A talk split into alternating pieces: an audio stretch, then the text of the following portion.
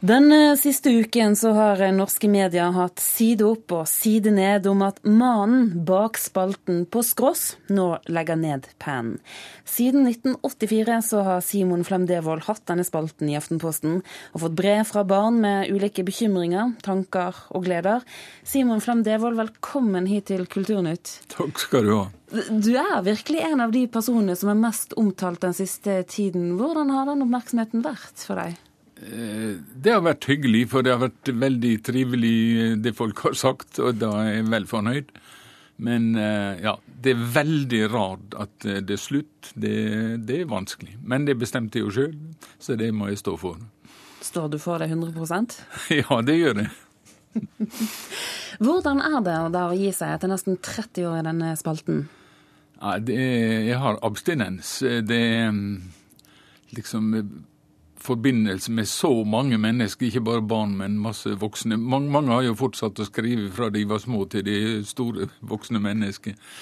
Og um, det er et savn.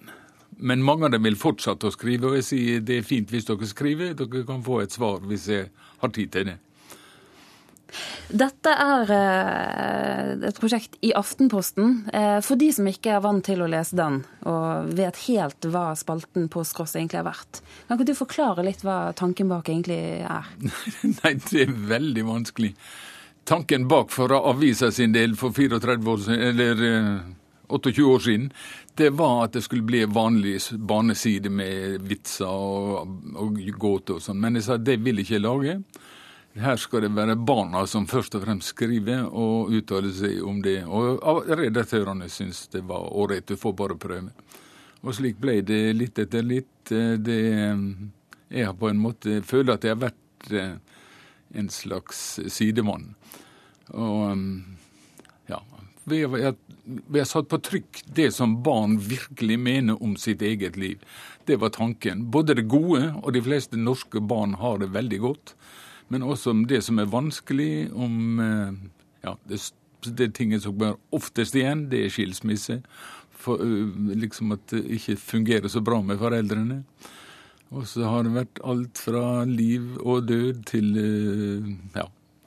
Så det har vært om livet sånn som barn og barnslige voksne oppfatter det. Og det har vært en opplevelse for meg. En opplevelse for deg? Hvordan da? Fordi jeg mer og mer oppdager barns visdom, som vi ofte, vi voksne, har glemt. Vi har sørga for å glemme mye av det som barn, eh, som er helt naturlig for barn.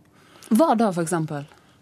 Eh, for mange mange, mange år siden så var det ei jente som skrev et En mann fant et dikt, eller et Dattera hans hadde klussa med PC-en, og det hadde hun ikke lov til. Og han hadde tenkt å gi henne grov kjeft. Og så leste han det som sto der. Hun var syv år gammel, hun het Ane. Og så fant han ut dette må jeg sende til han Simon. Og det er sånn, kjære Simon. En dame er lyk... Nei, nå husker jeg.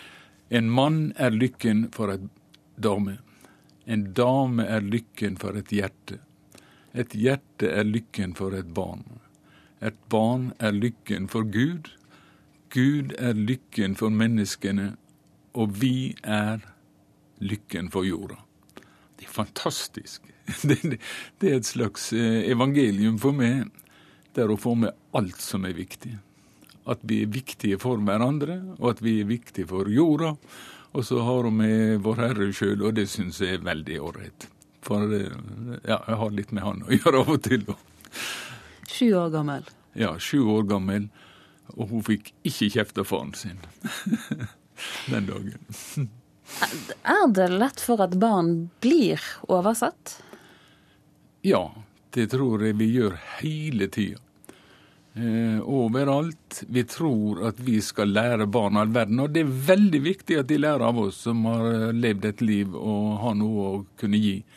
Men vi glemmer å lytte ordentlig til det som barn sier og la dem snakke uten å kommentere og uten at vi stiller dem spørsmål. Jeg har etter hvert lært å ikke stille spørsmål. Det lærte jeg her i NRK da jeg var leder for sendinga Hei ei stund. Og fikk lære av han Knut Rød og han Bjarne Grevskar, og er dem evig takknemlig for det de lærte meg om å snakke med barn. et times program en gang for uka der barn ringte og snakka om det de tenkte på virkelig alvorlige ting sjøl. Og det var en stor, en stor opplevelse for meg. Når det gjelder dette med å se barn, så er det mange som eh, omtaler deg som en pioner. Du var tidlig ute med å, å legge merke til dem og se dem for det de var. Var det vanskelig? Fikk du noen reaksjoner på at du valgte å gå den veien? Ja, det fikk jeg. Jeg fikk i hvert fall reaksjoner på at jeg satt så mye barn på trykk. For det var en meget høyst, høytstående mann i Aftenposten som sa nå må du slutte med disse ungene som holdt på å snakke og snakke og snakke. Og han hadde satt uh, Willoch på trykk hver dag samme uke. Mens i grunnen som snakk og snakk og snakk som var mye mindre verdifullt enn det barn fortalte om sitt eget liv. Så, men etter hvert så har jeg vet jeg at det er en masse voksne som setter pris på at uh, det har stått på trykk, det barn sier. Og en del voksne har lært seg å lytte til barn for å oppdage at um, du får lære litt av hvert der. Hvordan har det gått til? At de voksne faktisk da har lært dette? Ja, fordi eh, det som barna sier, er veldig interessant når du får lese det ord for ord, sånn som det er sagt. Da er det spennende. Denne heisendinga på radioen, også én time med bare snakk hele veien, ingen spilling eller noen ting den var veldig populær blant også voksne. Fordi det var kloke mennesker som snakka. Små, kloke mennesker. Den gangen du eh, startet med dette, hvordan skjønte du at dette var faktisk et behov? Jeg har jo fem barn sjøl, som nå er voksne mennesker og kan lære meg litt av hvert. Så jeg visste at uh, dette, er, dette, er, noe som interesserer folk. Det interesserte meg, og jeg er journalist, og jeg vet litt om hvordan folk reagerer. Og jeg hadde lenge hatt mye intervju med barn i avis. Først i Sunnmørsposten og så i Aftenposten.